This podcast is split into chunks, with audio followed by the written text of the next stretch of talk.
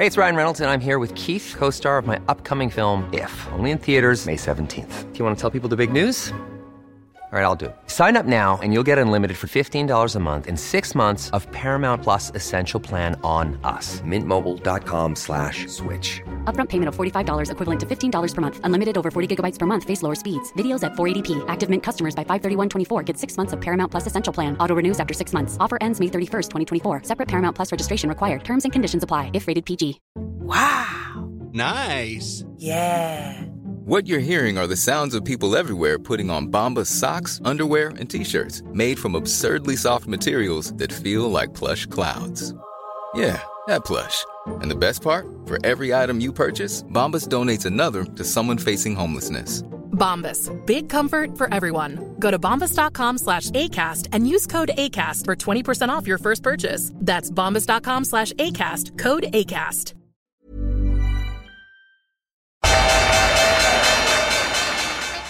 They mistook leverage for genius. Leverage for genius. I would recommend Japan. The governments don't rule the world. Goldman Sachs rules the world. Velkommen til en ny episode av podkasten 'Tid er penger', en podkast med Peter Warren. Jeg heter Sverre og er produsent. Og eh, i dag er vi på episode 108. Og før vi starta nå, så satt vi og så på nyhetene, og det var litt eh, eh, breaking news i forbindelse med Norwegian, som vi snakka om sist gang. Da var det jo eh, den eh, passende tittelen eh, 'Gratis penger på Oslo Børs' eller noe sånt. Eh. Har du hørt noe etter vi hadde forrige episode, Peter? Nei, altså du kan si siden sist gang så, så snakket vi om akkurat denne arbitrasjemuligheten som var hvis du eide Norwegian-aksjer, at du kunne selge de aksjene og kjøpe de tilbake 50 billigere ved, ved å samtidig kjøpe tegningsretter. Hvis du allerede satt på tegningsrettene, så kunne du også gjøre dette. Um, poenget var at du måtte ha aksjer som du kunne selge for at du skulle kunne få gratis penger ut av dette. Og så var var det rart, fordi det var jo mange som spurte om dette etterpå og kunne ikke forstå at det var gratis penger osv., så, videre, så måtte jo forklare hvordan dette hang sammen i, i kommende dagene. Men uh, så snakket jeg med et, uh, et stort meglerhus uh, mot, mot, slutten av uken, eller det var, da, det var den siste dagen, og da hadde det rast på. Plutselig så hadde det rast på. Først hadde de fått noen telefoner om dette virkelig kunne være sant. Og når de da bekreftet at ja, slik, slik var det, så begynte da, de da å se denne type ordre hvor kunder skulle selge Norwegian-aksjer og samtidig kjøpe tegningsretter. Men han sa på, helt på slutten av siste dagen, da, da var det et ordentlig volum. Så han, han, han, takket for kurtasjen, for å si det på den måten. Men det er klart at hvis du gjorde det, og Norwegian returnerte til der den var, altså dagen Uh, altså, Der du, du, solgte dem, så har du en 100 oppgang på aksjene dine, altså som du da kjøpte gjennom tegningsrettene. Så jeg tipper at det, må, det siste, i hvert fall slik han antydet, så var, så var, det store investorer.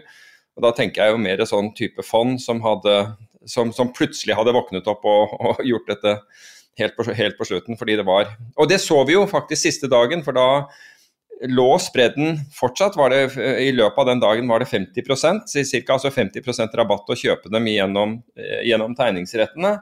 Og så plutselig kollapset den, altså så, så, falt aksjen kraftig. Og den spredden lukket seg 7% altså den, den, den trakk seg inn 7% helt på slutten av dagen. Og Da var aksjen kraftig ned på dagen, mens, mens tegningsrettene sto på akkurat samme pris.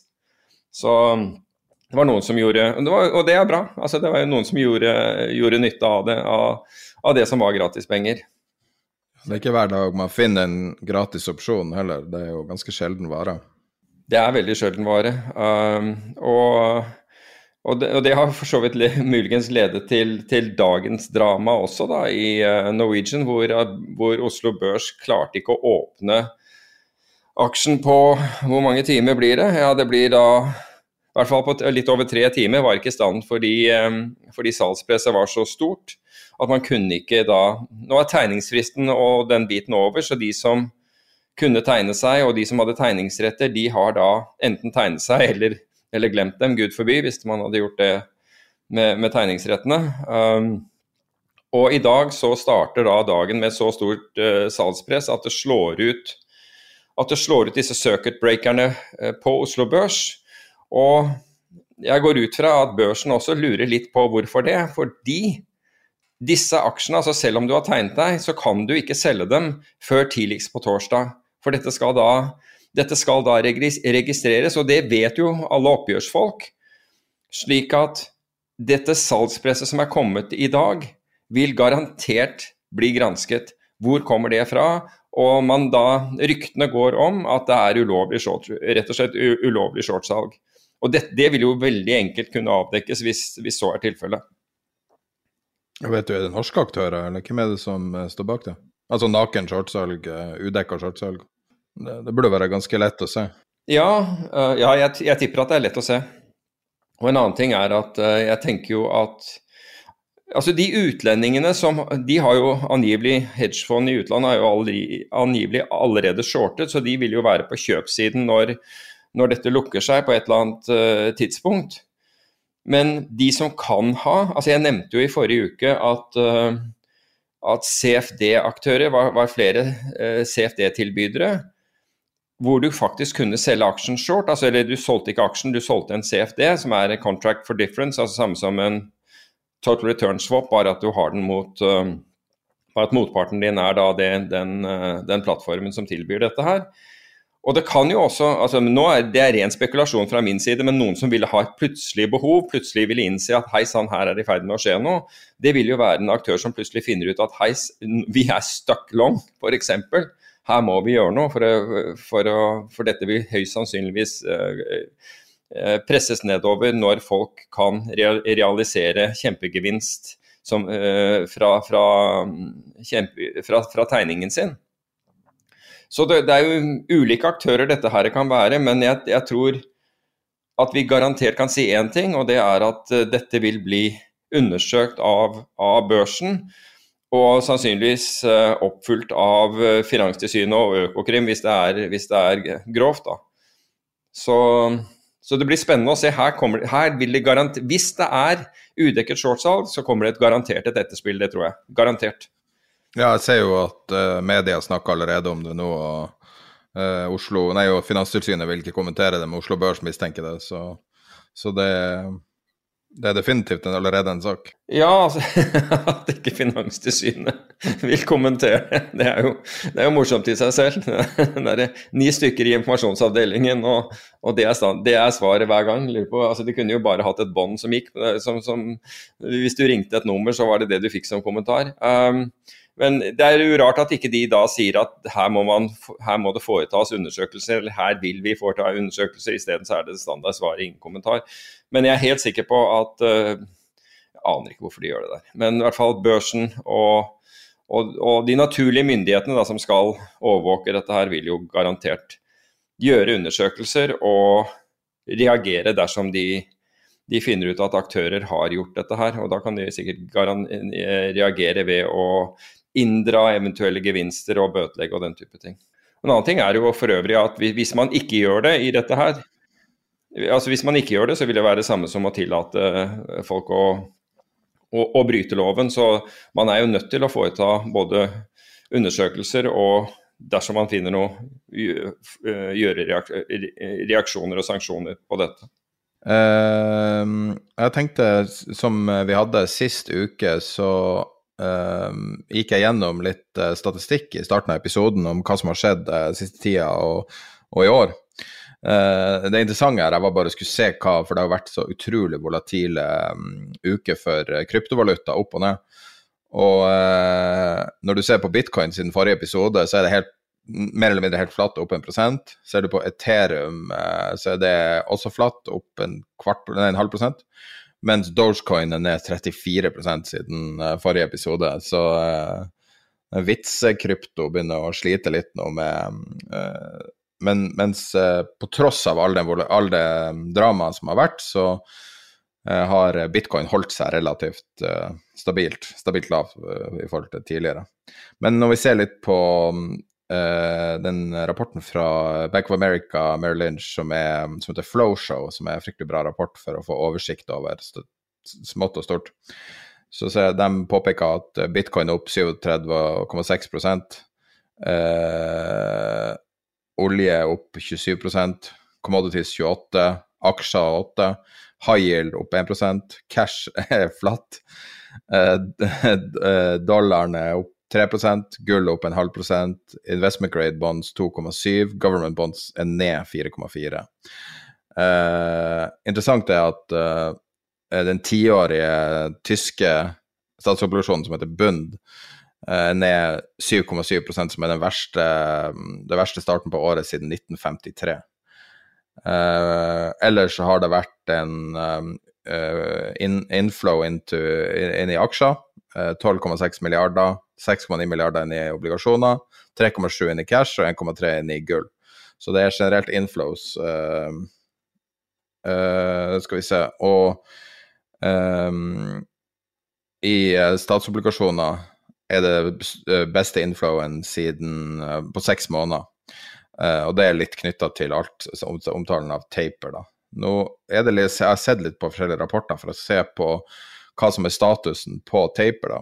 Og Deutsche Bank tror ikke taper er før desember 2021. altså vil Si at de, at de bremser alle kvantitative lettelser. Eh, og Misuo, den japanske investeringsbanken, mener at de i hvert fall ikke taperer nå i juni. Så eh, det er sånn roughly eh, investeringsbanksynet. Og den bull bear-indikatoren til Bank of America er på bullish holding pattern nå. Um, det interessante i den rapporten som de påpeker, noe jeg aldri har sett uh, som en periode som har blitt snakka om, er at uh, de snakker om altså I finans har man jo analoger, um, der man sammenligner med tidligere perioder for å prøve, å, prøve å se mønstersammenligning.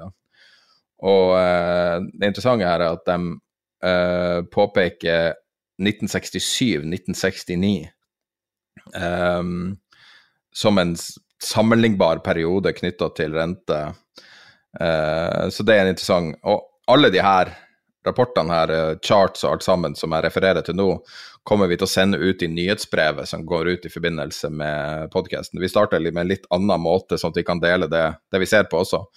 Så i beskrivelsen av podkasten så kan du melde deg på nyhetsbrevet også, og på, eh, på Tid er penger så vil du også finne link til nyhetsbrevet. Det ligger også på Facebook. Og, så hvis du melder deg på nyhetsbrevet, så får du alle de her chartene i tillegg til researchen i forbindelse med episoden. Eh, videre så er det artig chart eh, det, boble, det boblegrafen som eh, du ser på linje 80, Peter. Den, er, den, viser virkelig hvor uh, crazy bitcoin har vært sammenligna med alt fang og biotek, hvis du bare ser tilbake i tid. Kina rett før finanskrisa, uh, boligmarkedet i USA, tech i 2000, Thailand på 90-tallet, Nikkei på 80-tallet og gull på 70- og 80-tallet. Så sammenligner du det med bitcoin, så er det Altså, de ser ut som små blips i forhold. Jeg er enig, men jeg må jo si at jeg mener at det der er en litt sånn irrelevant uh, sammenligning. Men hvis du sammenligner det med hele kryptospacet, så, så syns jeg det er mer relevant. Fordi vi kan alltids finne aksjer fra tech-boomen, altså dotcom-perioden, eller fra de andre periodene som gikk helt, helt ekstremt mye mer enn de andre. Selvfølgelig. Um, slik at du må se på hele kryptosfæren. Men det, det, det betyr jo ikke at, uh, at, det du sier ikke er relevant. fordi vi vet jo at det har vært veldig store bevegelser i, i kryptosfæren, men da måtte man også ta med de av uh, kryptovalutaene og token som har failed. For det er en hel haug av dem som har gjort det også, bare så det er sagt. Har du oversikt over det? Nei, jeg har ikke det, men jeg bare jeg, jeg følger jo litt med på den, uh, eller mer enn litt egentlig, uh, på den siden. Og jeg ser jo uh, hvor det, hvor det bl.a. påpekes og vises til f.eks. Failed, failed coins, altså hvor de, folk forsøker seg. Og det er stadig noen som forsøker seg, også her i landet er det jo de som vil ut med tokens og er helt overbevist om at de kan få at de kan, at de kan få verdsatt ting til kjempehøye verdier.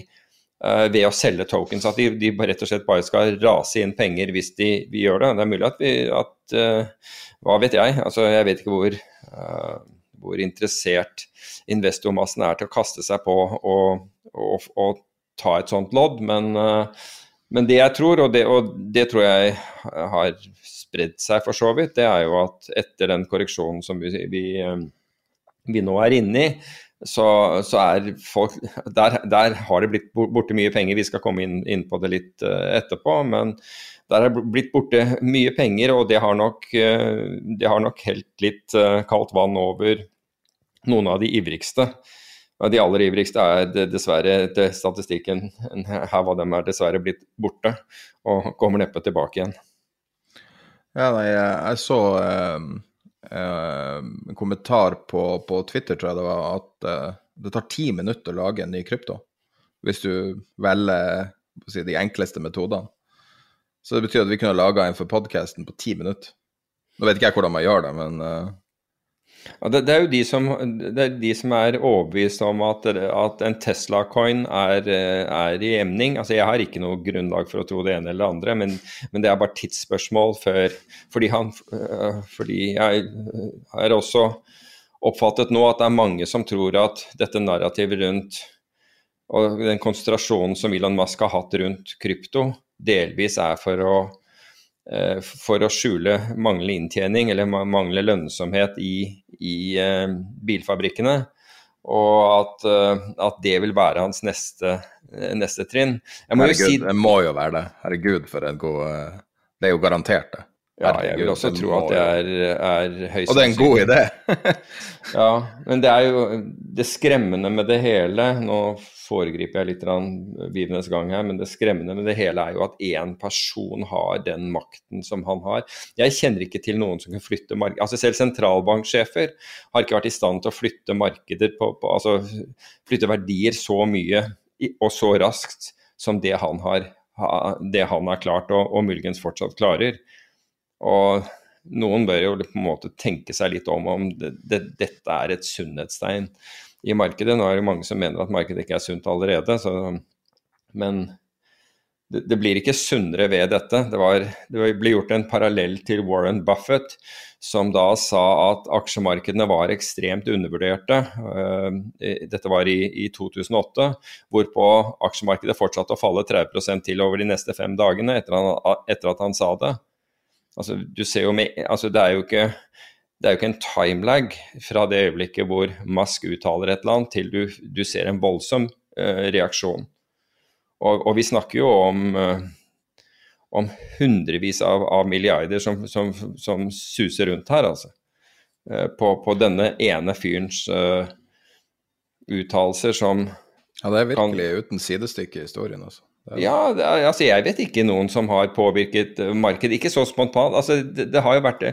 Det er vel en Greenspan-tale en eller annen gang som virkelig fikk ting til altså Han endret jo definitivt retning på markedet en gang, men ja, Whatever it takes med Dragi. Ja, Dragi, whatever it takes med Dragi er en sånn en, men, men, du kan si Men i, i hastighet altså i hastighet og Krysset mellom hastighet og penger, så tror jeg Musk har, uh, har slått disse her, så det er jo inflasjon i alt, så, ja, så det er jo det, at inflasjon i innflytelse er vel ikke et sjokk? Nei, og så har vi vel mer spontane markeder i dag på grunn av, rett og slett pga. Uh, eh, måten vi er tilknyttet også. Ja.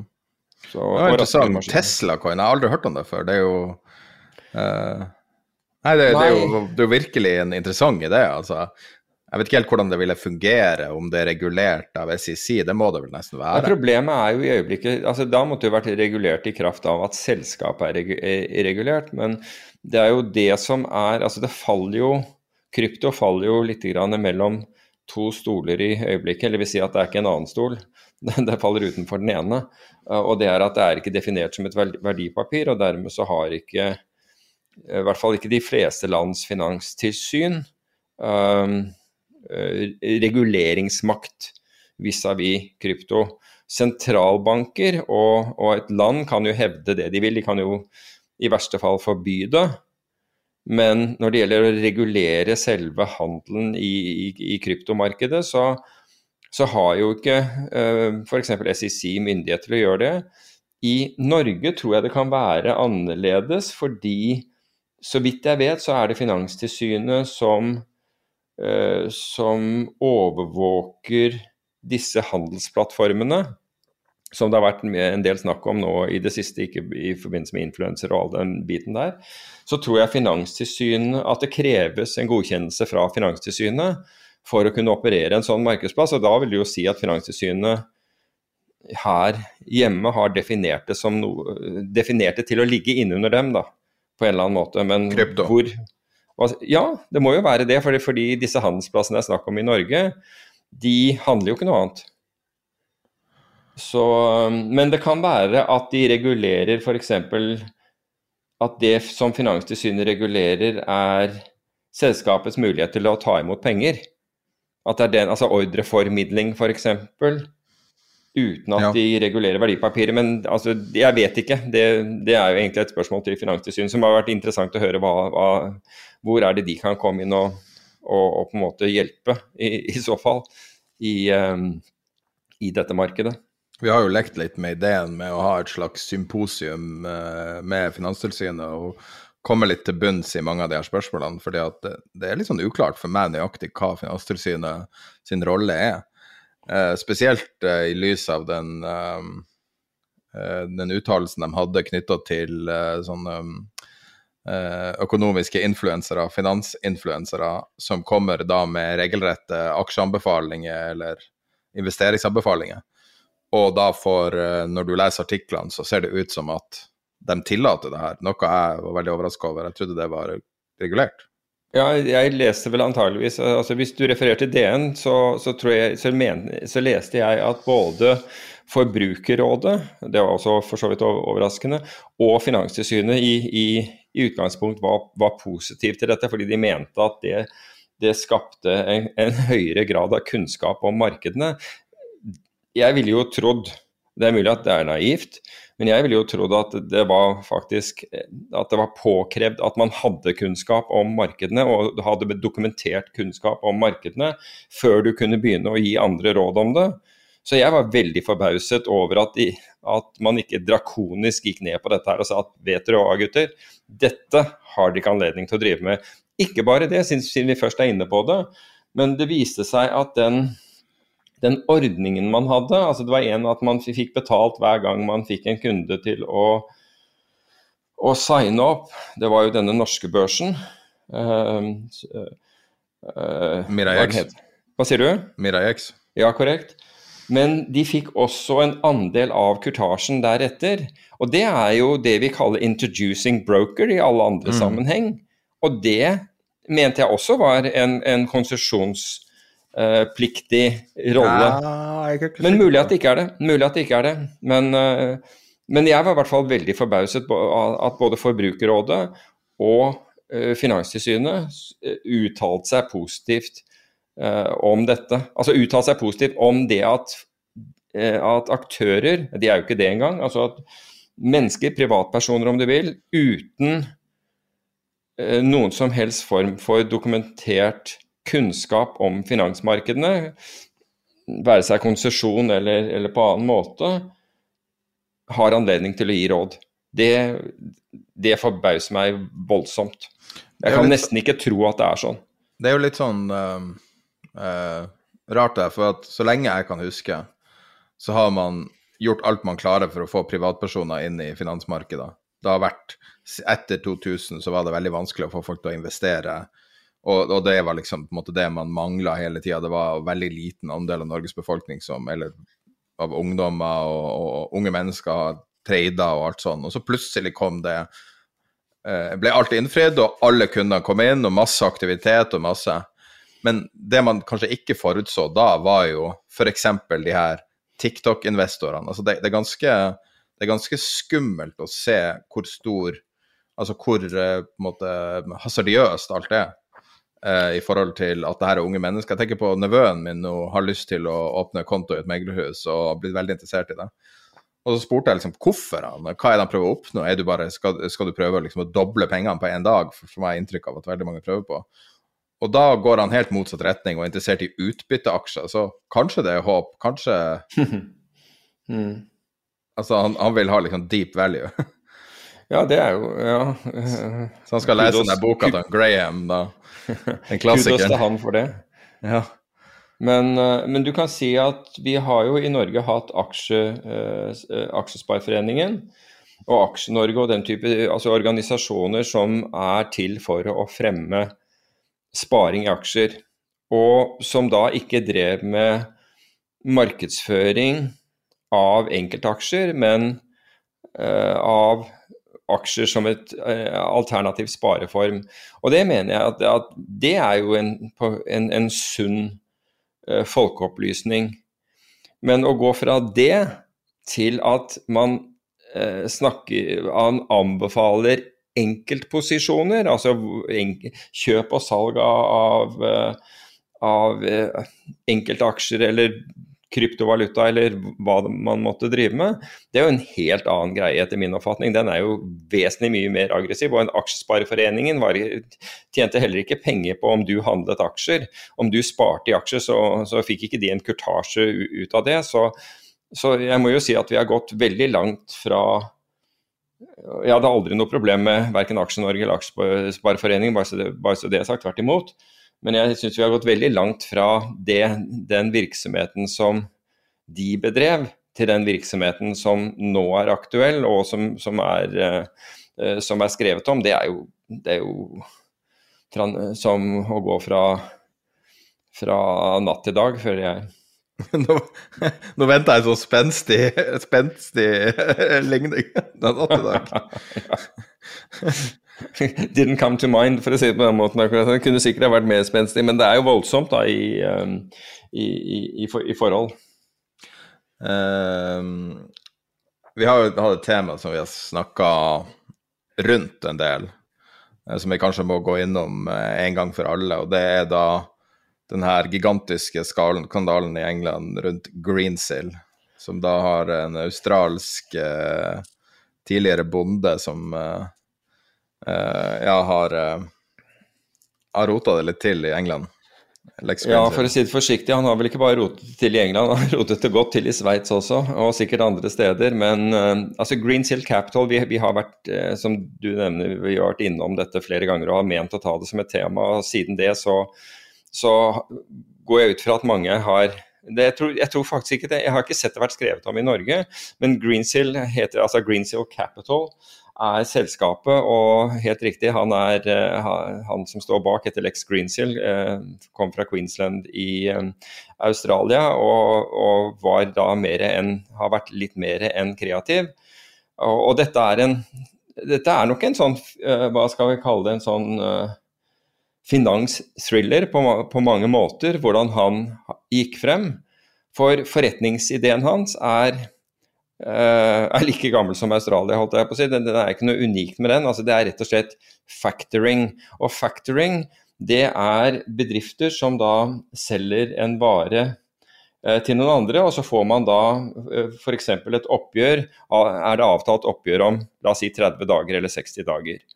Og så, ikke, så, ønsker ikke bedriften, fordi den trenger lik, likviditet, så den ønsker ikke å vente i de 30-60 dager. Så den selger da dette kravet til et factoring-selskap, og nå er det factoring-selskapet som, som, er ansvarlig for å drive det inn. Men factoring-selskapet betaler da den, den, bedriften som skal ha pengene, eh, beløpet minus, eh, minus holdt jeg på å si, en, en fortjeneste som den skal ha for å, å, ta denne risikoen. Og La oss si at det er 2 bare for å ta, ta et tall. Typisk 1% i små Ok, typisk 1% Ok, Så 1% mindre. Men i hvert fall, det er hva Greensill driver med. Så blander Men, du inn litt softbank?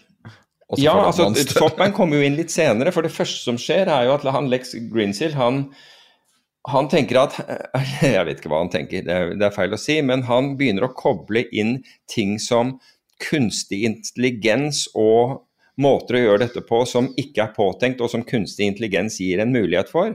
Så det som er rart, er at ingen spør seg hvorfor er det, hva er det med kunstig intelligens som gjør denne prosessen annerledes enn det den har vært til nå. fordi dette er jo en ganske sånn enkel regneoperasjon. Og så må du selvfølgelig uh, vite at du, du, du, får pengene av den som skylder pengene. Vil du kalle det en carry trade der? Hva sier du? Det er på en måte en carry trade? Det er en carry trade. Det er helt altså... riktig, det er en carry trade. Men du kan si hvor Usikkerheten din, da, fra, sett fra Greensill Capital, vil være om du får inn penger fra den andre part. Og Han kommer da i kontakt med, med en, en, en, engelskmann, han er engelsk, men han opprinnelig indier, Sanjay Gupta, som da driver et selskap, og som har og dette selskapet har uh, statsgarantier for mye av det de gjør. Det er stål, da, stålprodusent, er det ikke?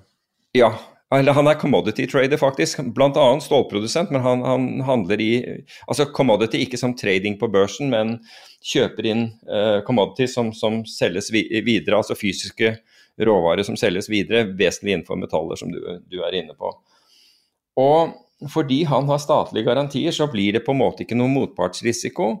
Og det gjør at denne, kapital, denne, denne inntekten uh, blir i anførselstegn sikker. Og når du har en sånn sikker inntekt, da begynner andre å interessere seg.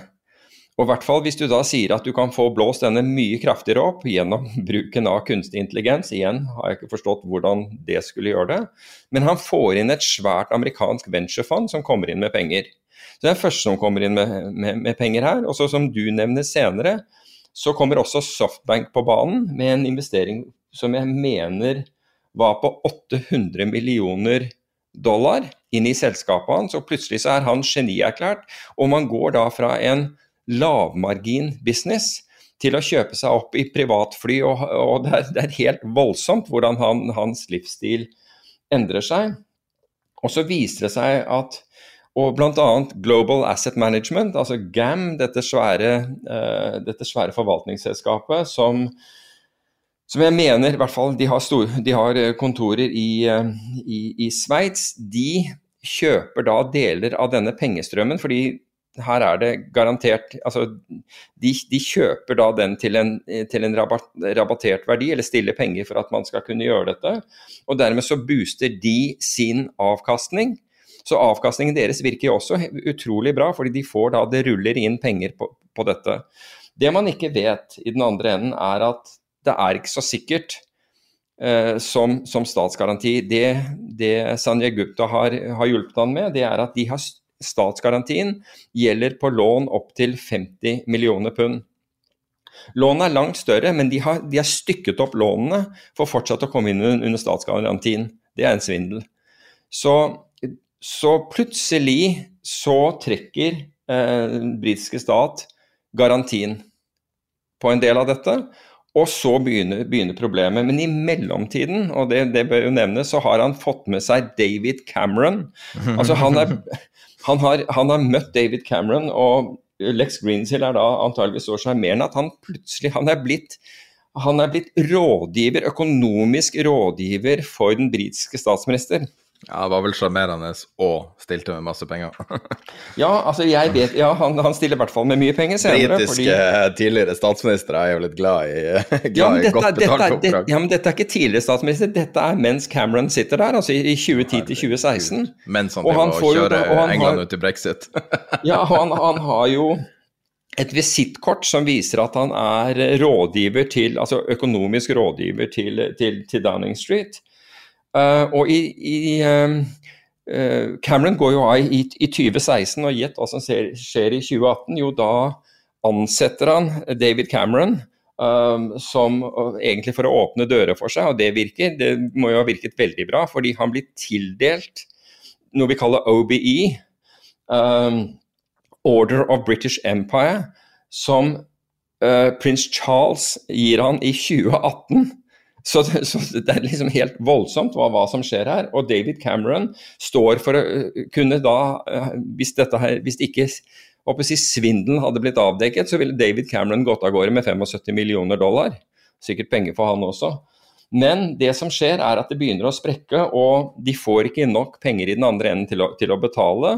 Og så, Vi har omtalt denne, men vi ante jo ikke at det var Greensill dette her gjaldt. Det var Global Asset Management som plutselig sparker da en av sine mest profilerte forvaltere, um, som heter Tim Hayward. For to, nei, ett år siden var det. Hva sier du? Ett år siden ca. Et eller annet, Jeg husker ikke akkurat når, når det var, men, men det, jeg husker jo det var en sånn voldsom sak. Mm. Um, når det skjedde, og man kunne ikke Og det gikk jo på mismarking, altså med andre ord feilverdsettelser av portefølje. Men det kom aldri for en dag hva egentlig det, dette her var. Um, så, så, hele greia altså Hayward, Først så ble han suspendert, så måtte han gå. Og så plutselig kommer Kreditt Suisse inn, inn, i det hele, for Kreditt Suisse kjøper også disse pengestrømmene og, og, og plasserer dette hos sine, eh, sine rike kunder, altså Wealth Management-kunder, gjennom sin egen privatbank. Så Kreditt Suisse går vel på en, en smell her på ca. 3 milliarder eh, dollar. Samme Credit Suisse som står bak XIV, som Og eh, Og blir skrudd i Archegos og nå. Altså Ja, så, så, så du Deutsche kan Bank si har dårlig rykte for å ryke på smeller, men i det siste er jo virkelig Credit Suisse verdensmestere. Altså. Ja, jeg føler at Credit Suisse har tatt over den batongen og løper så det holder med den. Um, men i hvert fall, mens dette har skjedd, så har visst angivelig flere tatt kontakt med det britiske finanstilsynet og sagt at dette her kan ikke stemme. Men så har britiske finanstilsynet ikke gjort en ting med saken. Så de har virkelig sovet i timen. Og er, nå får de betydelig kritikk for å ikke ha reagert på altså Her har det vært plenty røyk, her kunne du ikke se veien for bare røyken. Uh, og så har de bare latt det gå. Blant annet, altså, du har hatt viktige personer, da, David Cameron som, uh, som nevnt, og Anna hadde en OB og hele pakka. Så, um, så denne skandalen ruller nå. Og den blir egentlig bare verre og verre, for nå finner man stadig nye virksomheter, altså nye, nye selskaper som har vært med på dette her.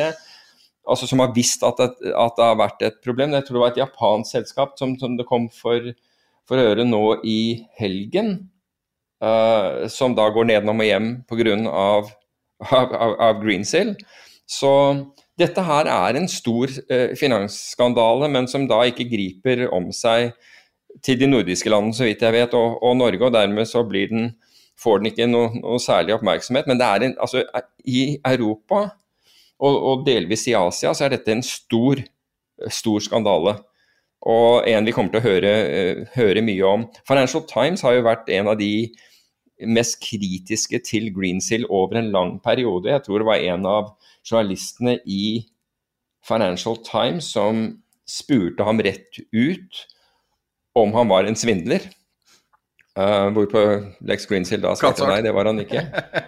Men altså, det er ganske, det er ganske langt, føler jeg. Altså, da har, da er ganske... Jo, men altså, når du ser på WeWorks også når, uh, med, med, Financial Times, altså, de er jo villige til, til å stikke nakken skikkelig ut uh, der. Det skal de ha. Det er, det er, ikke så mange aviser som er, er så tøffe, føler jeg. Så, um, men i hvert fall, denne, denne saken ruller. Og så var det faktisk noen som Jeg vet ikke om den ble lagt ut på gruppen, men det var i hvert fall en, gjorde, en av våre lyttere som gjorde meg oppmerksom på at Financial Times har publisert en video om Greensill, og de videoene som Financial Times uh, publiserer, de kommer veldig ofte på YouTube, så jeg vil tro at hvis man googler eller går på YouTube og skriver Greensill, Financial Times eller et eller annet sånt, så kommer denne videoen opp som, som forteller historien i hvert fall frem til et punkt. altså ikke de nyeste uh, avsløringene, men i hvert fall frem til et punkt for de som ønsker å, å, å høre om den. Det er en finansiell thriller. Helt opplagt. Ikke så spennende som Joe Lowe og altså den Million Dollar Whales-greia. Altså han som svindlet mal malaysisk uh, stat. Men, men, en, men, en, betydelig finansiell thriller.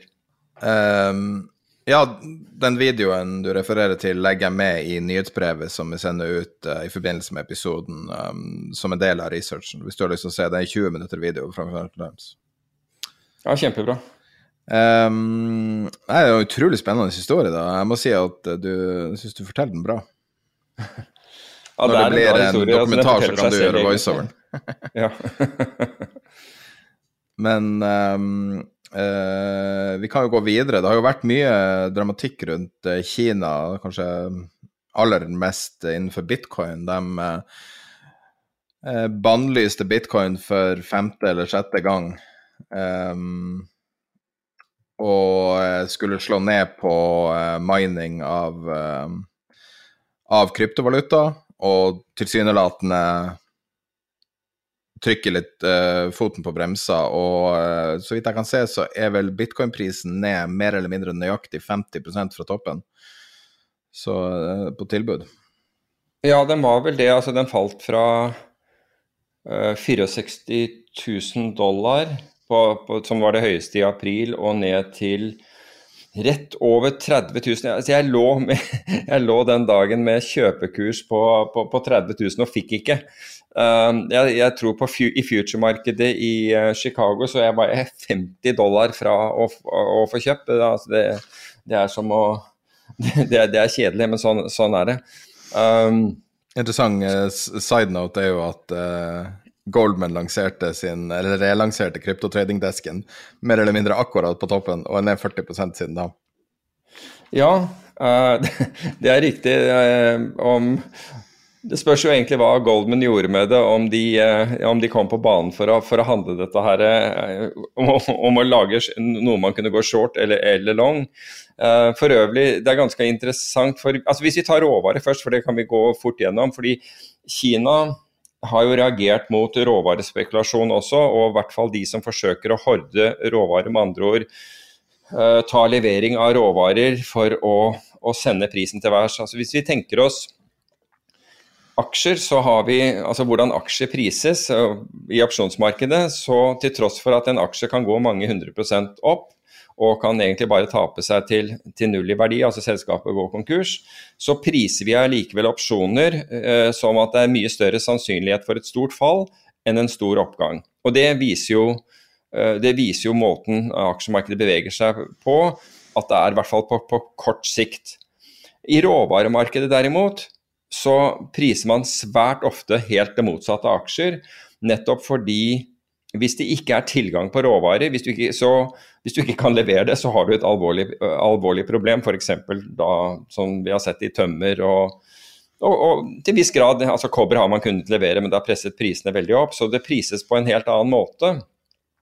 Og det gjør jo at man Altså hvis du har shortet råvarer, så er du nødt til å fysisk gå og dekke deg inn, med mindre det er cash settlement, men det hjelper deg ikke fryktelig mye når det er cash settlement, annet enn at det, blir en kurs som du, som du, blir avregnet til. Du er ikke da nødt til å, å finne noen tanker med oljetankere eller, eh, eller, lass med, eller få levert eh, noen lass med kobber på, på, på, kaia.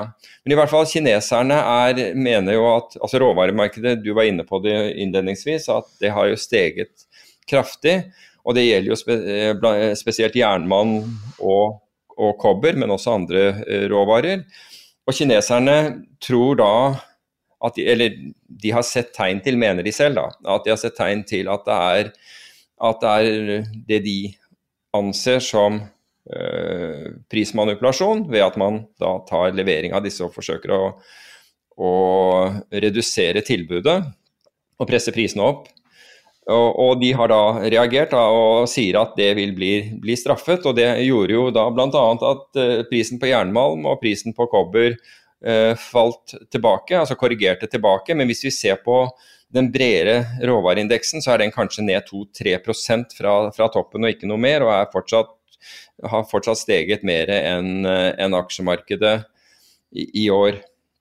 Så videre til uh, dette med, med, krypto. Og Kina var jo bare en del av dette, men den delen var det jo for så vidt innom. Og hvorfor er Kina så viktig i dette? Og det er vel antageligvis fordi en vesentlig del av miningen av bitcoin gjøres i Kina. Ja, de har jo tilgang til nesten gratis kraft, er det ikke det som er nøkkelen? Jo, og, og, det er ikke ren kraft heller, for den saks skyld, men uh, sitt, sitt mer eller mindre inni et kullkraftverk, er det ikke det? ja, jeg tror det. Jeg tror det. Men, uh, men poenget er at uh, dette kom samtidig med disse Elon Musk-uttalelsene, hvor det går fra, fra, himmel til helvete hele tiden. Det veksler liksom mellom himmel og, og, og helvete. Og han har, men det er jo ingen enkeltperson som har satt i gang så store svingninger som det Elon Musk har klart å gjøre i, eh, i bitcoin. Og Konsekvensen av dette var jo at, eh, at Contir for 8,9 milliarder dollar, og dette, dette, var mange dager siden, de var, de var, avsluttet. altså Det var ingenting igjen av de kontiene. Det var ikke det at, at man hadde blitt tatt på en stopplås, men det var ingenting igjen. Og mens vi er inne på det med, med, med stopplås, så er det jo interessant, for man har bl.a. hyllet dette at du kan trade, trade krypto uh, 24-7, 365. Altså du kan handle det på lørdager og søndager osv. Det er for så vidt greit, men hvis du har en, uh, hvis du har en marginkonto, med andre ord at du har kjøpt dette med belåning, hva gjør du da når du får en margin call klokken tre søndag morgen?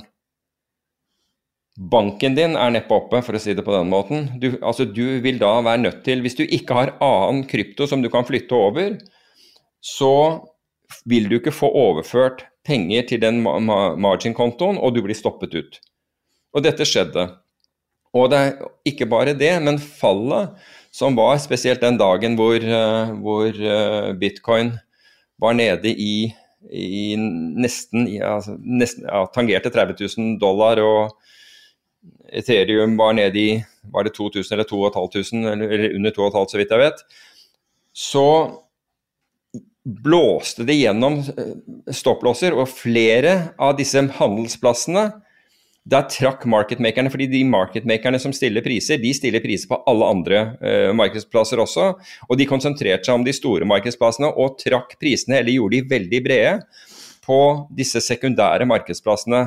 F.eks. i Norge, det er jo ingen det er, feil å si at det er ingen, men jeg, jeg tror ikke at det er noen reelle store marketmakere som dekker de norske markedsplassene, som ikke også stiller på andre.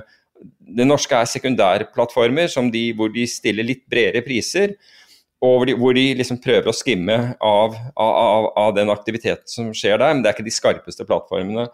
Der hvor de store plattformene, Coinbase går jo ned, flere andre, uh, flere andre plattformer stanser jo pga. presset. Men resultatet av dette var at stopplosset ble, jo, ble i mange tilfeller ikke effektuert i nærheten av der den kursen man hadde. Så f.eks. hvis du var, hadde en stopplås på 48 000 uh, dollar i bitcoin, så ble den ikke utført på 48 000, den kunne bli utført mange tusen dollar lavere. Og det, er, det, har man sett folk snakke om og klage på, på, i ettertid, at det var ikke noe marked. Så vi må jo huske på at hele dette økosystemet henger sammen. Og så er det en annen interessant observasjon for så vidt å gjøre når det gjelder dette markedet. Og dette, altså kryptomarkedet, er et marked hvor, som ikke sentralbanker støtter opp, sånn som man har gjort i aksjer og, og, og for så vidt i obligasjonsmarkedet. Sagt på en annen måte, så er dette old school-markeder. Dette er sånn som markeder virket før, før, i tiden. Det gjaldt også aksjemarkeder. Så du kan si at de som handlet krypto, og som klarte å legge av risikoen og håndtere den, de er godt skikket til å håndtere en eventuelt fremtidig smell i aksjemarkedet. Fordi nå har de sett litt hvordan det, det, det kan være. De som holder på i aksjemarkedet, de, de aller fleste i dag har aldri sett markeder uten støtte. Mm. Um, og, Men hva med, da, hva med, at det er uregulert og at folk er leveraged? Det er en ganske giftig kombo, altså. Jo, det er en, det er en, det er en giftig kombo. Det er, det er, på en måte det alle elsker når, når, når, det går deres vei, altså med andre ord oppover, og alle hater når det, når det, går, når går, galt. Og, og, jeg har studert uh, litt volatiliteten i bitcoin. Og den volatiliteten vi har sett nå i, uh, i den siste uken, den er ikke større enn den, den volatiliteten vi opplevde i februar 2018, juli 2019 og mars 2020 og februar 2021. Så når, vi, når folk sier at, at dette er noe helt grusomt, dette har vi aldri sett før, jo, det har vi. Hvis du gadd å, å, å, gå litt lenger tilbake i chartet ditt, i det hele tatt hvis du noen gang så på en kursgrafe, så vil du se at det har vi hatt. Det er målt over 21 dager, 8 dager, eller hvordan du vil måle det. Vi har vært her før når det gjelder volatilitet. Og dette er en type volatilitet som plutselig spiker i kryptovalutaer.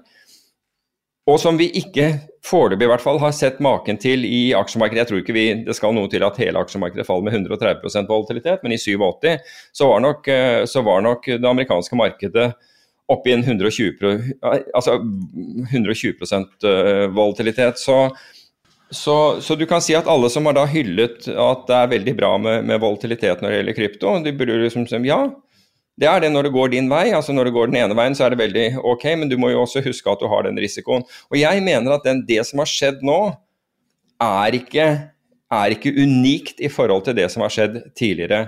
Og så sier folk at ja, men nå skulle det være så mange institusjonelle investorer inne også. Og ja, ganske sikkert. Men de institusjonelle investorene har ikke det behovet for å selge selv om kursen faller 3000, eh, med, med 3000 dollar eller 10 000 dollar. Så, så, du kan si at de er ikke de som kommer til å påføre deg Altså de, de er ikke der nødvendigvis for å for å ta imot heller. Men det er sikkert noen av dem som gjør det også. Men poenget er at jeg har sett uh, institusjonelle investorer si, og det er typisk som ikke har vært med, var det ikke det jeg sa, se på den vanvittige volatiliteten, det var derfor vi aldri kjøpte krypto. Hør her, hvis, hvis du satt i et, et, fond, og så kjøpte du krypto for 2% av fondet, så, du, så, har du da tapt 1% Altså når den halverte seg, så har du tapt 1% av fondet ditt. Mot en oppside som er mange hundre prosent. Var det da smart av deg å la være, eller å ha, ha krypto? Litt avhengig av når du kom du inn for et år siden, så var det jo helt ok. Bitcoin målt på eh, målt siden årsskiftet er faktisk litt opp. Jeg tror det var opp en 3% eller noe sånt nå. Så all denne hylingen som har vært, er, er etter min oppfatning perspektivløs. Og, no, og, all den diskusjonen rundt hvordan dette ser ut, og at man aldri skulle eller at man burde osv. Hvis man har tro på dette, så er en sånn pullback en mulighet til, å kjøpe. Hvis man føler at dette her er noe man skulle ha vært med på, det, så er det jo bedre å kjøpe det 50% ned enn en, en 100% opp. Og hvis du skal ha det over 100% opp før du kjøper neste gang, ok, da har du gått glipp av det. Kan det falle videre? Ja, absolutt. Men dette har jo med posisjonsstørrelse å gjøre. Og det er, det er, vel ikke en institusjonell investor som ikke har opplevd tilsvarende svingninger på, i, i, i, aksjemarkedet på enkeltposisjoner. 30% ned på Norwegian i dag er jo et, et eksempel på, på, det. Det at du kunne kjøpe altså Hvis du gikk og kjøpte deg kjøpte 1 i, i uh, Hvis du satt på Norwegian du satt på, på Norwegian, solgte Norwegian-aksjer, kjøpte tegningsrettene så, som vi snakket om i, i forrige eh, episode. Og samtidig gjorde, kjøpte, kjøpte 1 i, i, uh, i, i, krypto, eller i, bitcoin, så var det ute i null den dagen. Jeg vil også bare påpeke at jeg sa jo det også innledningsvis at krypto er opp, eller bitcoin er ganske mye opp for året. Det er vel 26% akkurat nå. Er det det? Ja. Okay, jeg, jeg synes jeg så, Det er mulig at jeg så på grayscale, og den, den hand, Vet du hva? Er, jeg så på grayscale, og grayscale handler fortsatt med rabatt. Den jeg, har alltid har liksom... brukt, uh, jeg har alltid brukt prisen som DN siterer, bare for å ha en som Ok, men pris er den beste. Pris er den beste, jeg er helt enig. Ja. Så det er bare sånn at uh, når vi henviser til bitcoin, så kan vi alltid henvise til den samme, og da bruker jeg alltid uh, prisen som DN. Ja, hvis den er, jeg regner med det for kraken eller noe sånt, men ja. Men, men hvis, den er, eh, hvis, den er, god, så er den god. Det er, det er en bra, bra, sak å bruke og enkel for folk å finne. Så, så du kan si at det er mye fast om, om lite. Det vi så den, den, dagen hvor det virkelig svingte, det var jo at du hadde tre perioder, tre 15-minutters perioder, jeg måler markedet på 15-minutters perioder, med over 10% svingninger. Så de som ønsker volatilitet, der, der, får du det, for å si det på den måten. Uh, og, du, og, du, trenger ikke ha motpartsrisiko når du, når du handler krypto heller. Altså, du har, altså, jo, du vil ha motpartsrisiko, men du bør, behøver ikke være redd for at noen stjeler, stjeler eh, bitcoin fra, fra, walleten din. Du kan handle gjennom plattformer. Det fins i hvert fall Jeg vet ikke hvordan denne MiraX er, men, men uh, Norwegian Block Exchange, den, den, uh, la, la, altså, den garanterer deg garantere for det, for det, du har. Eh, du kan handle gjennom Chicago Mercantile Exchange, hvor du har clearinghuset på den andre siden. Det er mange måter å gjøre det på som unngår denne motpartsrisikoen hvor man er redd for at man ikke får transaksjonen, eller at, ikke, at noen stjeler bitcoin fra deg før du, altså fra, fra, din egen lommebok. Det er mange måter å unngå dette på, hvis du ønsker å gjøre det. Men poenget mitt er at altså, welcome to the old world, fordi da, da, da svingte det mer. Og du hadde ikke sentralbanker, og nå så du et marked som ikke hadde sentralbankstøtte, hvordan det beveget seg. Aksjemarkedene på et eller annet tidspunkt kommer heller ikke til å ha det. Men det er, det er et stykke frem, men greit, bare, hvor tror du, jeg bare nevner det. Hvor tror du SMP, eller hvor tror du Oslo Børs ville ligget eh, i dag hvis det ikke hadde vært for eh, intervensjonene etter finanskrisa? Hvis man bare har hatt eh, Altså vesentlig lavere du, altså Det du kan gjøre, er å neddiskontere med, med altså Du har jo en mye, mye høyere uh, verdsettelse av markedet nå enn, enn det, du, det, du, har hatt historisk. Hvis du tar den gjennomsnittlige historiske verdsettelsen, så kan du på en måte flytte markedet ned, ned til, til, til, det punktet, altså de punktene som tidligere var altså på en måte akseptert. Det, altså, Oslo Børs er ikke, er ikke, av de dyreste markedene på, på, noen som helst måte, det er billigere enn det amerikanske. Men det du kan, kan gjøre, er å, er å fly, rett og slett flytte det ned til, til den type verdsettelser. Og det er betydelig ned. Det er ingen tvil om at det er betydelig ned. Så har du, har du, er, det, er, det, er, det, verdt å gjøre et sånt tankeeksperiment? Ja, egentlig så er det det. Altså, jeg, når, du, når, du, sa det, så, så, ble jeg litt flau over ikke å ha gjort det. Ikke ha tenkt det igjennom. Men, uh, men, det, men, noen har sikkert gjort det, og da kan man jo rett og slett se hvor dette her skal egentlig ligge. Altså, eller hva som vil være et naturlig nivå om vi ikke hadde hatt sentralbanker som har vært livredde for at man skal eh, for, for, for eh, at markedene skal falle. Ja, for man kan ikke bare si sentralbanker, jo... du hadde en president også. Den forrige presidenten ja. var jo også livredd. Han styrte jo alt, han styrte jo alt inkludert alt rundt korona, etter hvor dagen lå. Man eh, kunne jo kanskje ta money supplyen i USA,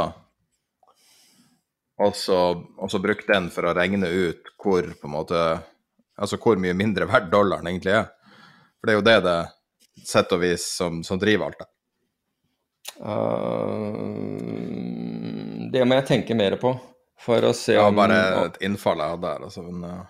Ja, jeg Den er jeg, jeg, Den er vanskeligere å å sette to streker under svaret på, tror jeg. Altså, du får ikke to streker under svaret uansett hva du gjør, men, men jeg ville heller ha brukt gjennomsnittlig f.eks.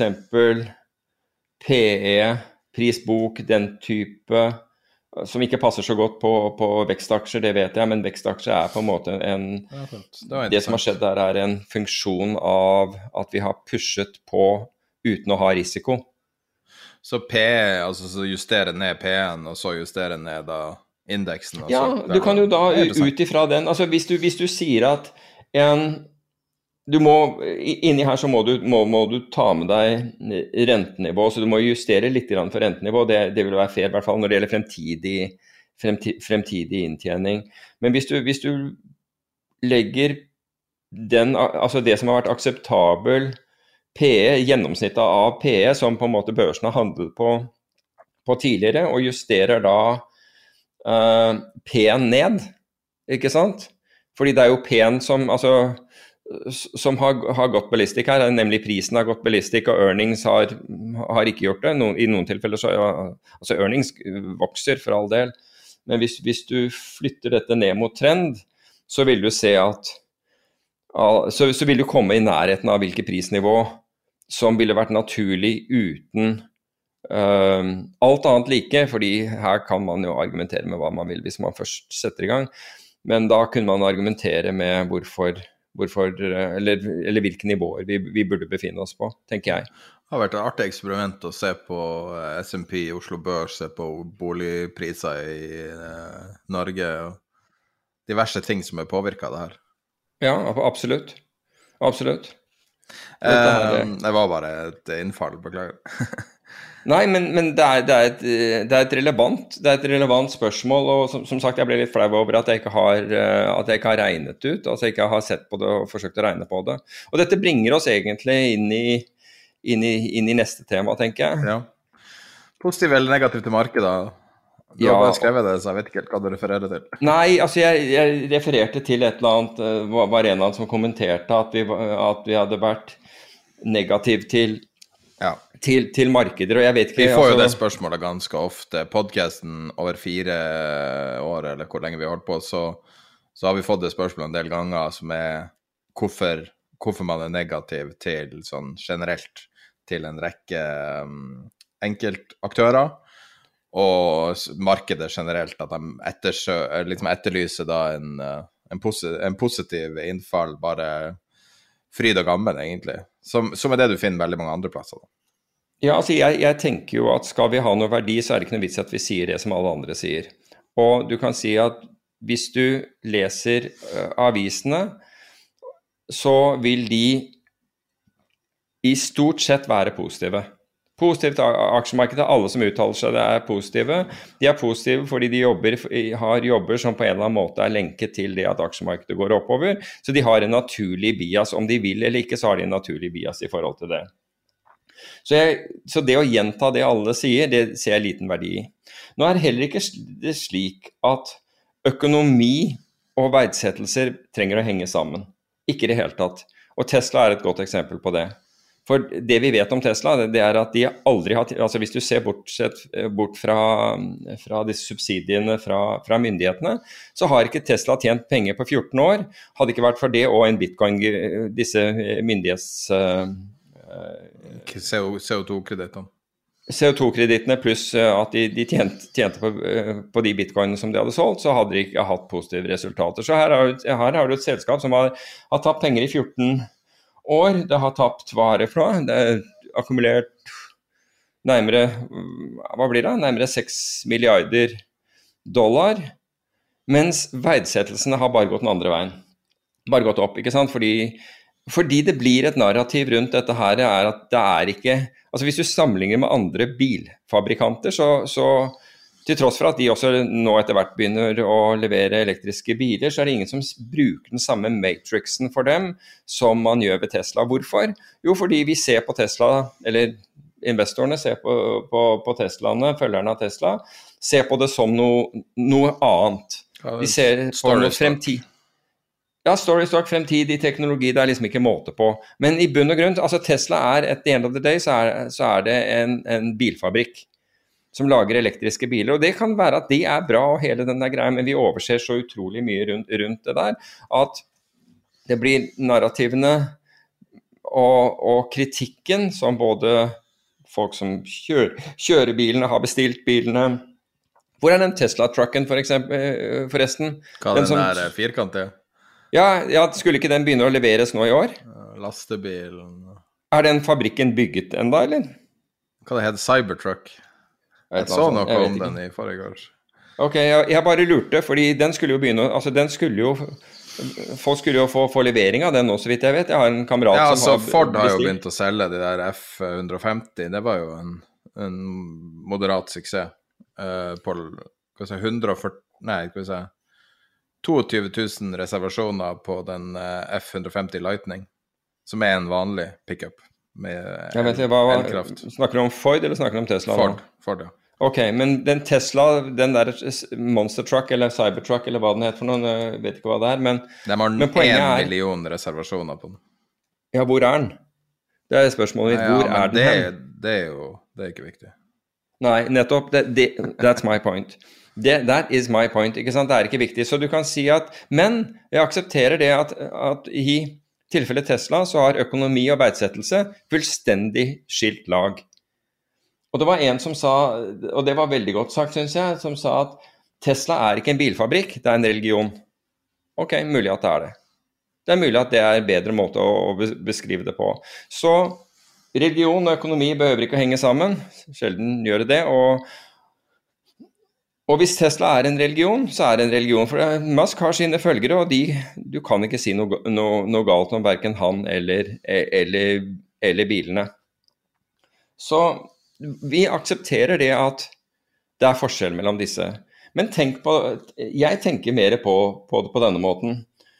Hvis jeg kjørte på en, en vei jeg aldri hadde kjørt, for, kjørt, på før, og alle skiltene på den der veien var, var tildekket, fartsgrensen er tildekket, skiltene er tildekket, så ville jeg føle meg litt ukomfortabel. Og det vi forsøker å gjøre, det er bare vise deg de skiltene som er. Det behøver ikke å Ja, nå, snakker du, nå blander du litt fordi at du mener ikke bilen, og nå mener du podkasten, ikke sant? Jo, ja, det er det podkasten forsøker å gjøre, men jeg prøver å Det, det kalles en metafor. Jo, jo, men du blanda metaforen inn i diskusjonen om en bilprodusent. Om bil, ja. jeg, trodde, ja. jeg, trodde, du skulle snakke om at sånn skiltgjenkjenning i, uh, i bilene da, Og det er et Nei, men, annet problem. ja, men det, men det, er jo også, også, for så vidt et eksempel. Altså, altså Bilene i dag skal gjøre oss sikrere bl.a. gjennom skiltgjenkjenning, og farts, altså hvor du kan se fartsgrenser og du får beskjed om alt, alt mulig rart. Men poenget mitt er at ved å ikke ta åpenbare eh, varselskilt. Det betyr jo ikke at du kommer til å kjøre av veien. Men som gjør deg da klar over i hvert fall veiens tilstand. Hvis det, hvis det viser seg at det er rasfare på den veien du er i ferd med å kjøre på, så du, er det greit å vite, tenker jeg. Istedenfor å tildekke det, og så kommer du i 120 og så, så blir du truffet av det. Kan hende at du kommer gjennom uten å bli truffet av det, hva vet jeg. Men hvis du hadde kjørt på den veien og fått vite etterpå at noen hadde eh, dekket til skiltet med, med rasfare, så hadde du antageligvis blitt ganske oppgitt. Og det er det folk i aksjemarkedet ofte prøver å gjøre, det er at de ønsker at de skiltene blir, blir tildekket. Og det er i øyeblikket så er det mange så er det mange varselskilt. Det betyr ikke at du kommer til å kjøre av veien, fordi det, det er forskjell igjen på økonomi og verdsettelser. Men hvis du ser på ting som margin debt, altså som er da gjelden folk har som har kjøpt uh, som er plassert i aksjemarkedet, så er den to standardavvik over sitt gjennomsnitt. Det er ganske mye. Så kan du si ja, men betyr det noe? Nei, i 2000 så var den tilsvarende, og i 2008 var den tilsvarende.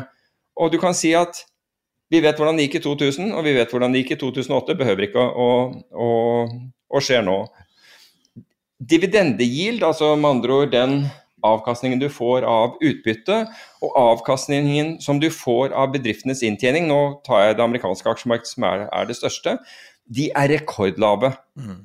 De er på nivåer som har utløst korreksjoner tidligere. Og alt jeg forsøker å gjøre, det er måte å gjøre folk litt klar over hvordan veien ser ut her. Så kan du velge om du vil holde flat pedal, smelle inn et høyere gir, eller gjøre akkurat hva du vil. Eller om du, eller om du vil liksom venstrebremse forsiktig. Helt opp til deg.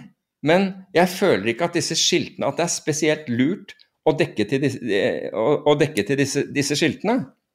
Og det er, det er, egentlig poenget mitt med å, å påpeke, på, påpeke, ting. For Hvis andre ikke gidder å påpeke det, og det passer ikke lommeboken deres å påpeke det, og, og det synet de ellers har, det er helt greit. De aller fleste føler seg veldig, mest komfortabel med å gjøre det som alle andre gjør. Sånn er det.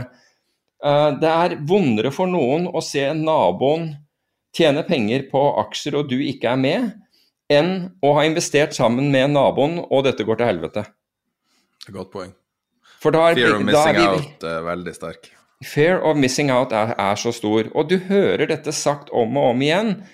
Når, når, når noen snakker det, hvordan liksom, tilstanden er i markedene og, osv. Ja, men da, da viser de alltid til noen som har tjent penger. Og det er ikke så lenge siden det alltid var en eller annen kryptoperson som hadde gjort det voldsomt bra. Og derfor så ble vist til de kryptopersonene som var aktuelle på det tidspunktet, har vi ikke hørt fra fra siste jo, uke? Jo, vi har hørt litt. Det var okay. NRK eller DN som skrev om en som eh, hadde på det meste 580 000 i krypto, og nå 45 Han hadde gått inn med 100 opprinnelig. Oh. Og, det var, og det det jeg lurer på det her, Jeg husker for mange år siden så skrev du en blogg etter en indeksnedtur på noe sånn som 5% Så husker jeg du skrev en blogg med liksom hva det betyr for eh, enkelte porteføljer. fordi at de aller fleste har ikke bare indeksen, de har enkeltaksjer. Og, eh, men uansett så ikke bare det, de er også gira.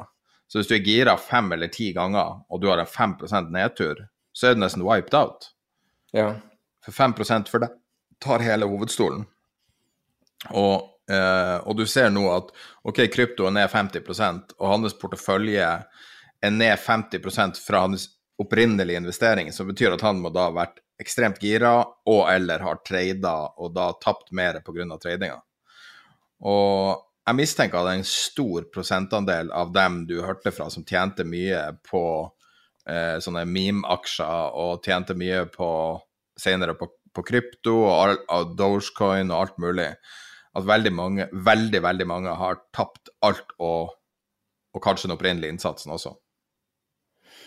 Ja, jeg, jeg, var Jeg kom over en, det var i, i forrige uke, uh, som fortalte meg at han hadde Han hadde Hva var det? Jo, han hadde tjent flere hundre prosent. Og var oppe var, hadde, i år og var nå oppe i to millioner kroner. Altså gevinsten hans var to millioner kroner. Og at han nå satset på Så han regnet med at han ville nå seks millioner kroner innen årets slutt. Og det syntes han var ikke å ta i. Mm. Ok. Nå ja, i år eller i fjor? I år. Han, han hadde tjent to millioner hittil i år. Um, på hva? Med, hva sier du? På hva? E, e, aksjer. E, enkeltaksjer, tror jeg. Og regnet da med at uh, og, og, målet hans var 6 millioner ved, ved, ved slutten av året. Og det er ganske frisk, eh, frisk avkastning, syns jeg. Kan, altså det kan hende at, at, at dette går inn, men det, dette er jo da en person som Og det var veldig få aksjer. altså Jeg tror det var, en, var én aksje eller noe sånt, så det gjaldt da å finne uh, en aksje til, og så en aksje til etter der igjen som kunne gi no, noe tilsvarende type utvikling. og ja, ja. Det er uh, da, da Ingen skal si at du ikke sikter høyt, i hvert fall. Nei. Men det, det, er ganske interessant, for i forhold til dette med, med hva er det man ser og ikke ser sånn fremover. Og i, i dagens uh, Financial Times så uh, er, har Mohammed Al-Arian en, en, artikkel om Mohammed Al-Arian var jo i, uh, i, Pimco. Han var jo var sjefsforvalter sammen med Bill Gross, og så jobbet han for Alliance Bernstein, som jeg tror han har en fortsatt rolle der. Og nå er, underviser han bl.a ved, ved, Cambridge. Queens College, tror jeg. Men han er, han er absolutt en størrelse innenfor, innenfor, finans.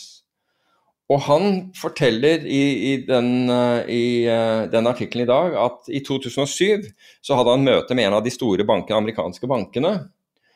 Og i den samtalen så sier uh, Elarian at ja, hvor, hvor regner du vi er nå i sykkelen?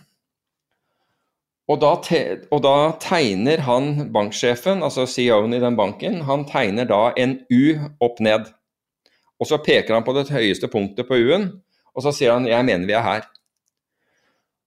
Og så sier Elarian ta, jeg, antar da at du reduserer risiko uh, i, porteføljen din og på andre måter, hvis, det er det du mener.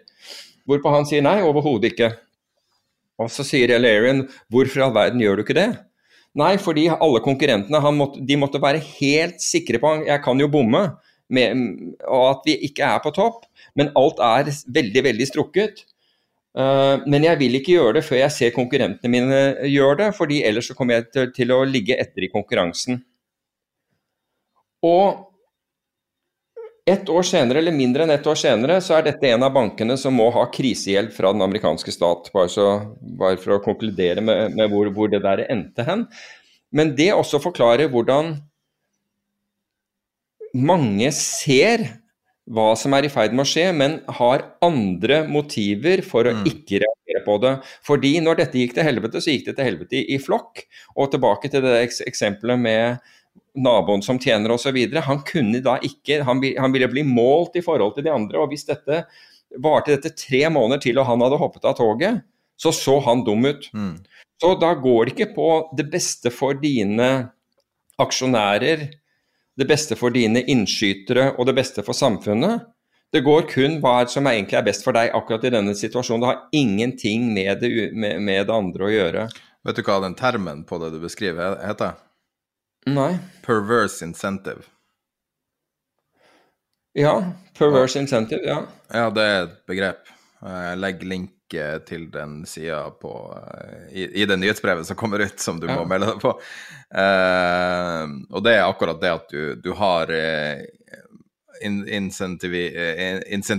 for oppførsel som, uh, som går mot opp, opprinnelig ønske, da.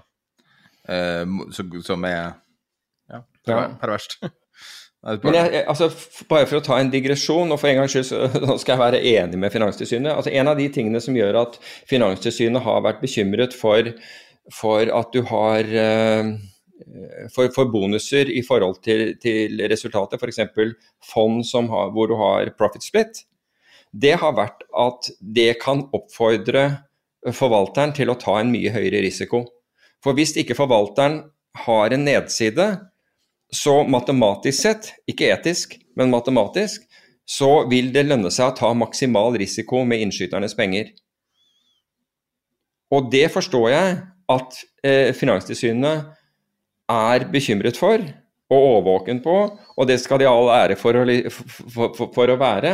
Um, men det er jo en av de, de, tingene altså Det er jo en merkelig insentivstruktur. altså Jeg har jo selv hatt den insentivstrukturen på, på fondene og forsøkt å, å holdt på å si uh, vise uh, ansvarlighet med også ha mine, altså vesentlig del av min formue i, i det samme fondet, som da ville bli Altså jeg kunne kun trekke ut pengene mine etter at andre hadde trukket ut penger osv. Vi hadde sånne regler for at du ikke skal være insentivert til å gjøre dumme ting.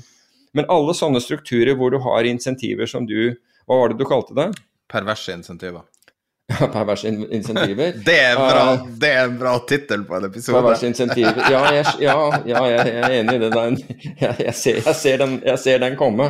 Men du, du kan si at det er Tesla-coin eller perverse insentiver? ja, perverse insentiver er vel en, en bedre en, men altså, sin, altså jeg, er jo midt mellom barken og veden her, i og med at jeg har hatt den type insentivstruktur selv.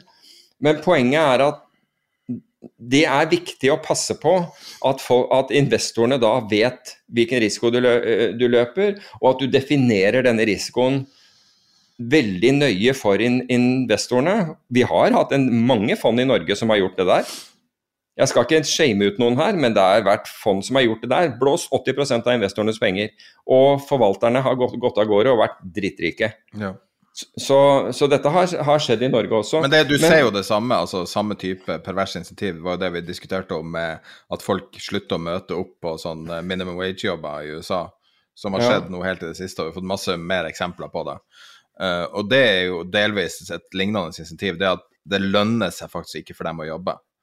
Uh, og det er det, På grunn av hvordan systemene er strukturert i USA, så er det um, Hvis du er i den minimum wage Eh, kategorien så er det mange tilfeller der det ikke lønner, deg, lønner, seg for deg å jobbe. Du tjener mindre på å jobbe. Og hvis du jobber hardere, så tjener du fortsatt mindre, helt opp til et ganske høyt lønnsnivå du må på før det begynner å lønne seg for deg å jobbe, pga. at du, eh, hvis du jobber litt hardere, så mister du alle støtten. Alle, all støtten du får, og den støtten løper seg opp til noe sånt som 70 000-80 000 dollar i årlig inntekt. Så det, det er et annet pervers initiativ som vi har tatt men, opp. Men er ikke, det, er det ikke det samme argumentet som man bruker for, oss, for å få slutt på kontantstøtten i Norge også? Er ikke det nettopp det samme argumentet? Eh, jeg vet ikke om det gjør det i Norge, men uh, ja, det vil jo, jo være fordi samme. Du, du, hadde debatten nå, var det forrige uke eller uken før, så hadde du debatt om uh, flere som ønsker denne kontantstøtten fjernet. Og det er fordi de mener at den gir et uheldig insentiv Altså, jeg har møtt, uh, folk som rett ut har sagt at de har misbrukt den type ordninger, så Ok, ja, da Altså, skryt, is in leaking, det. Det, er, det er jo akkurat det vi snakker om. Ja. Um, men hvis jeg kan bare spole tilbake igjen til å fullføre det med Mohammed Al-Arian og Sorry. det han som han Nei, det var, ikke, det var jeg som tok digresjonen. Um, og det er at han mener at sentralbankene er der nå. Og han Blant annet så var det jo i det siste Fed-møtet så var det hvis en dissens er flere av medlemmene som nå mener at man skal tapere. Du, du snakket om tapering eh, tidligere i denne sendingen, og det er, vil si med andre ord at man begynner å, å redusere støtten til, eh, til, finansmarkedene. Og flere har da av medlemmene har uttrykt det samme, men eh, Fed-chair Powell er ikke på den i det hele tatt.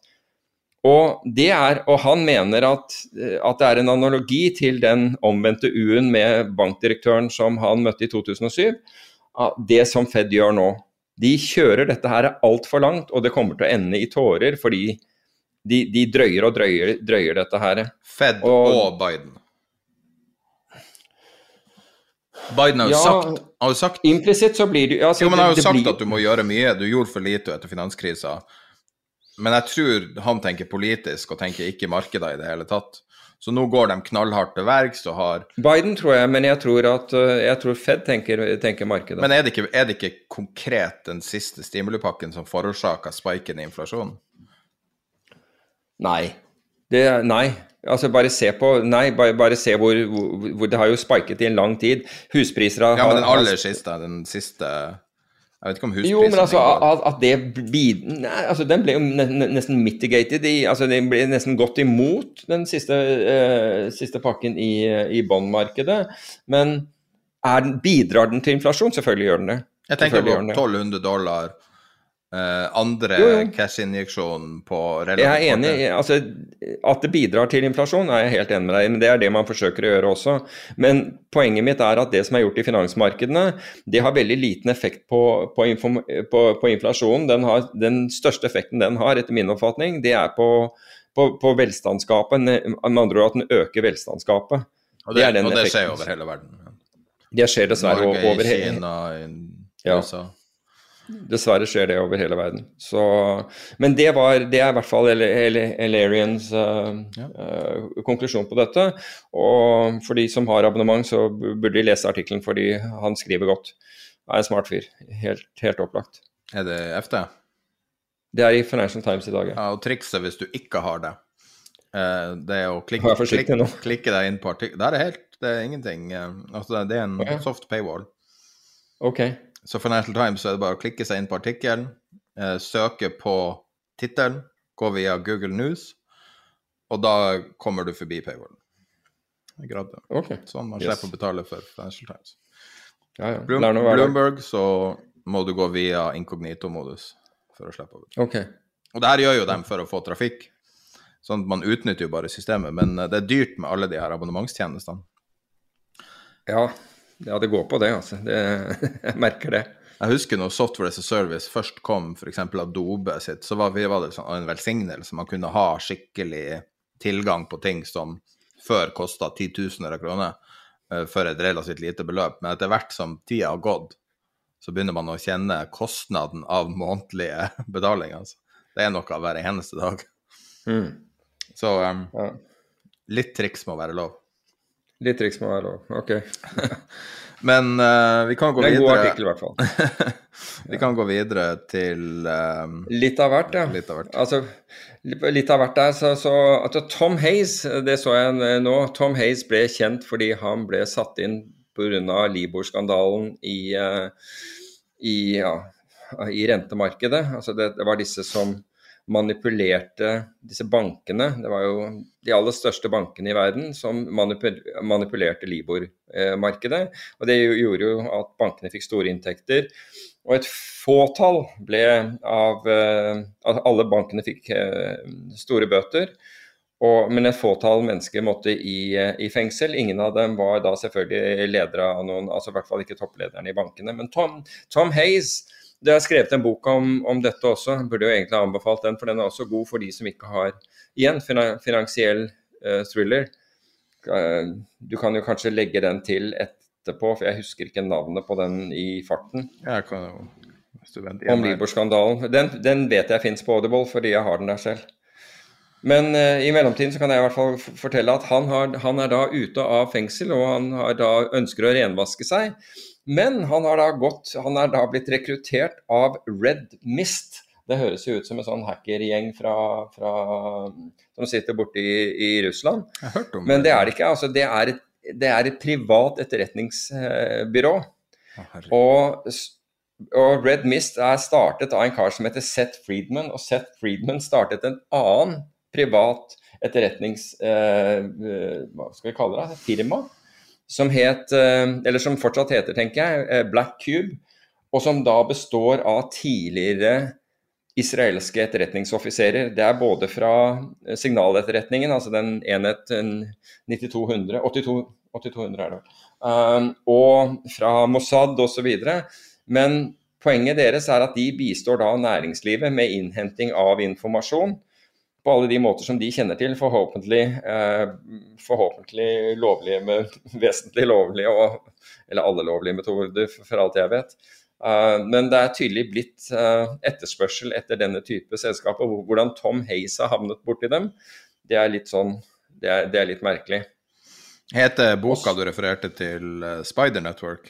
Ja, det gjør den. Helt riktig. The Spider Network. En bra tittel. The Spider Network. The wild story of a math genius, a gang of backstabbing bankers and one of the greatest scams in financial history. Ja. Den ligger på Audible, og hvis du vil ha boka gratis, så kan du gå inn på um, tiderpenger.no, så har vi en, en kategori som heter Leselisten. Øverst der så ligger det en knapp for å komme inn på Audible, og der får du én gratis, ei gratis bok. Så da er det en bra bok å starte med. Ja, altså Du lærer deg veldig mye om finans ved å lese en del av disse, disse bøkene. Det, det, altså Om finans og forståelsen av, av, finans. Det er jo ikke alt som er bra. altså Du lærer uh, i, i, disse, Det er ikke det jeg sier, men du lærer mye om finans. Hvem er det som har skrevet den? Jeg husker ikke det engang. Uh, David Enrich. Ok, greit. Jeg husker Henrik. ikke den. Uh, ja. Ok, uh, men i hvert fall uh, Men det høres jo ut som privat etterretning. Er det litt sånn en uh, ny versjon av Pinkerton Detective Agency? Nei, Black Cube har jo vært, vet jeg har vært i media tidligere. Er ikke og det de noe sånn Ja, det er jo det. Altså, de, gjør jo, de gjør jo full overvåkning av folk og hele, hele pakka, men de gjør jo pga. at når du har folk da fra signaletterretning, og så, så kan de jo veldig mye om om, om søk, altså nettsøk og, og, og, finne ut ting eh, via det. Det er ikke for, for øvrig for ikke noe at, uh, at etterretningstjenester uh, ansetter bibliotekarer bl.a., fordi de er gode til å katalogisere og finne ting. Um, men i hvert fall Ja, de, de, driver da som en så, som en etterretningsorganisasjon i det private. Og Red Mist er da som sagt det er Seth Friedman som, som startet uh, Black Cube. Jeg vet at det var en eller annen sak med Black Cube for noen år siden, men jeg husker ikke hva det var. Men de dukket plutselig opp i forbindelse med du, kan, kan, det være i forbindelse med Apropos Credit Suisse, for der måtte jo der måtte jo sjefen gå i forbindelse med en eller annen skandale jeg vet at han rapperen Ice Cube har, har tweeta veldig mye konspirasjonsteorier om noe som jeg tror han kaller Black Cube. som du sa det Men okay. uh, det er noe sånn antisemittisk konspirasjonsteori. Jeg tror ikke det er det. Uh, det er det, apropos, ja, det er det israelske etterretningsselskapet Black Cube, ikke sant? Ja. BC Strategy. Altså, Black Cube, jeg mener at Black Cube de har, de er, oh, ja, Jo, jeg vet hvorfor du har hørt om dem. Det var knytta opp mot Harvey Weinstein. Han leide dem inn for å gå etter de her damene. Ja, det vet jeg, men jeg, det er ikke den jeg bare lurte på. Jeg lurer på om det Men jeg kan ta feil om den uh, om den Credit Suisse-saken. Kanskje ikke Credit jeg er, er skyldig i, uh, i den også. Men, men uh, Black Cube har kontor i, i, Tel Aviv og London, og jeg lurer på om de er i Madrid òg. Ja. Så, Hvordan i alle dager Vet du det? Headquarters Tel Aviv, London, Madrid. der har du det. Der har du det. Har du det. Så... Men du, hva du syns om den der uh, saken i, um, i Hviterussland? Herre fred, har du hørt om noe mer skremmende? Ja, den ja, den blir, men den kommer til å få betydelig etterspill. Om det gjør at han blir frigitt Du tenker på han journalisten som ble tatt av Ryanair-flyet? Ja, men jeg mener liksom den praksisen at KGB-agenter tvinger ned et fly inne i Hviterussland, altså Ja, det er voldsomt. Kommer fly til å slutte å fly over Russland også? At det, det her må jo være en enorm risiko. Ja, det er det. Men du kan si at reaksjonene til Vesten blir ekstremt, og, og for så vidt andre, blir veldig viktige her. For det, dette har en kost. Og blir, blir den kosten for høy, så, så, gjentar man ikke disse tingene. Men, men uh, Men var det ikke et fly dagen etterpå som også måtte nødlande noe lignende? Nei, det vet jeg ikke. Men jeg vet at uh, det har jo vært i i andre sammenhenger vært snakk om å gjøre attentat mot fly for å, for, for, uh, pga. én passasjer, og så har det ikke blitt sanksjonert. Da. Altså Statlige aktører har, har vært inne på det å, å ta et fly ut av lø, altså rett og slett sprenge et fly eller skyte ned et fly. Så, ja, det er jo en, og, eh, det er jo en sånn metode sånn kan, for å skjule et attentat. Ja, for, ja nettopp. Og for, for, all, for alt man vet, så kan sånt ha skjedd. Fordi vi vet jo fly som har på en måte uforklarlig eksplodert i luften. Ja, Korean Air. For eksempel, altså delene over så stort område at man, man vet ikke Man finner ikke ut av ting, men uh, Ja, men jeg syns bare det er så skremmende, så du har jo litt uh, ja, og apropos mens vi er inne på det, uh, mens vi er inne på den mørke siden. Forrige gang så, så spurte du meg om, om bin Laden hadde vært ja, om hans første greie var den amerikanske ambassaden uh, som ble bombet i, i Beirut. og jeg, jeg, sa at det var ikke han, men jeg kom ikke på hvem, hvem, det var. Men jeg kom selvfølgelig på like etterpå hvem det var. Og det var Imad uh, Mignia som gjorde den. Som var ansvarlig for den. Og han var, han var en av Hezbollah, altså libanesiske Hezbollah-lederne. Og det var han som sto uh, som ble uh, si, kreditert for den og mye annet. Han, han kidnappet Eller folkene hans kidnappet jo en amerikansk uh, en amerikaner, en, en CIA-kar i, i, Beirut, som amerikanerne forsøkte i mange mange år å, å finne ut hvor var, men som til slutt han hadde blitt holdt fange og torturert i årevis før de henrettet han. Så Imad Mignia var det, var det som sto bak den. og han endte sine dager, hvis jeg ikke tar helt feil, i begynnelsen av 2007 i en sånn joint operasjon mellom israelske Mossad og, amerika og amerikanerne, altså antageligvis CIA, i Syria. Jeg, ikke, jeg, husker ikke om det var Damaskus eller en annen by hvor de, eh, hvor de sprengte han med en bilbombe. Mm. Og en sak som de hadde, hadde fulgt han da over lengre tid. og amerikanerne, eller israelerne hadde måttet love amerikanerne at, at, det ikke skulle være collateral damage, altså med andre ord at noen andre ble drept uh, i, uh, da, i, i, dette ja, Det er jo statlig attentat, om du vil. men uh, og, og ingen, ble, ingen, andre ble drept. De hadde visst mulighet til å, å, å ta livet av ham ved flere andre anledninger hvor de ble, ble kansellert i siste sekund. Så han Hvis jeg ikke tar helt feil, så var bomben plassert i reservehjulet på en på Mitsubishi Paiero som han kjørte. Og gikk av akkurat når han kom til bilen. Nå føler jeg vi er litt ute på kanten, da. Nå er vi litt ute på hjulet. Men jeg, det var bare i forhold til det du sa forrige gang, at, uh, om, uh, om, om, bin Laden. Så, så, da husket jeg hvem det. Men, men vi, vi, skal til nesten det samme, fordi uh, finansrådgivere i, eh, i Barcode, der, der, er konkurransen litt større enn det er andre steder tror jeg, når det gjelder eh, finansrådgivning. Fordi de lokker da med ecstasy, og hvis ikke det virker, så er det knokejern, ifølge avisen i dag. Der er det, det er litt tøffere forhold nede i Barcode enn du skulle tro. Ja. Men uh, hvis du først er finansrådgiver der nede, så, så, for å få kundene på kroken, så må du tydeligvis Kan du mene true dem, eller? Ja, det, altså, det ble, det ble reidet finans, et, et, finansrådgivningsselskap i Barcode ble reidet av politiet, og det ble funnet ecstasy og knokejern. Ja. uh, jeg vet ikke.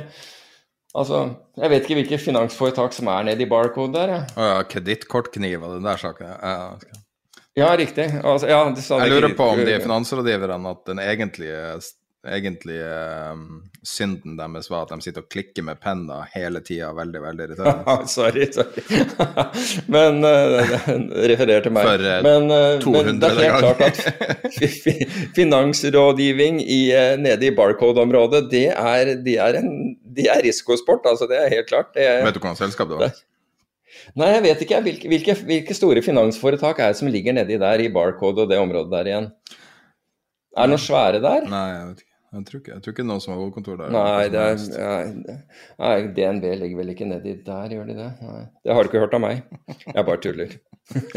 det der er bare en spøk. Det er ikke, ikke alvorlig ment. De hadde selvfølgelig ingenting med, med DNB å gjøre, men uh, Nå søker jeg på men, finansrådgiver Barcode, så får vi se. ja. Men det, er blitt, eh, det er blitt vesentlig tøffere i finansrådgivning siden uh, på, på, på de siste årene. Det skal de ha. Nei, men uh, jeg tror kanskje vi kan eh, runde av med det. Uh, ja.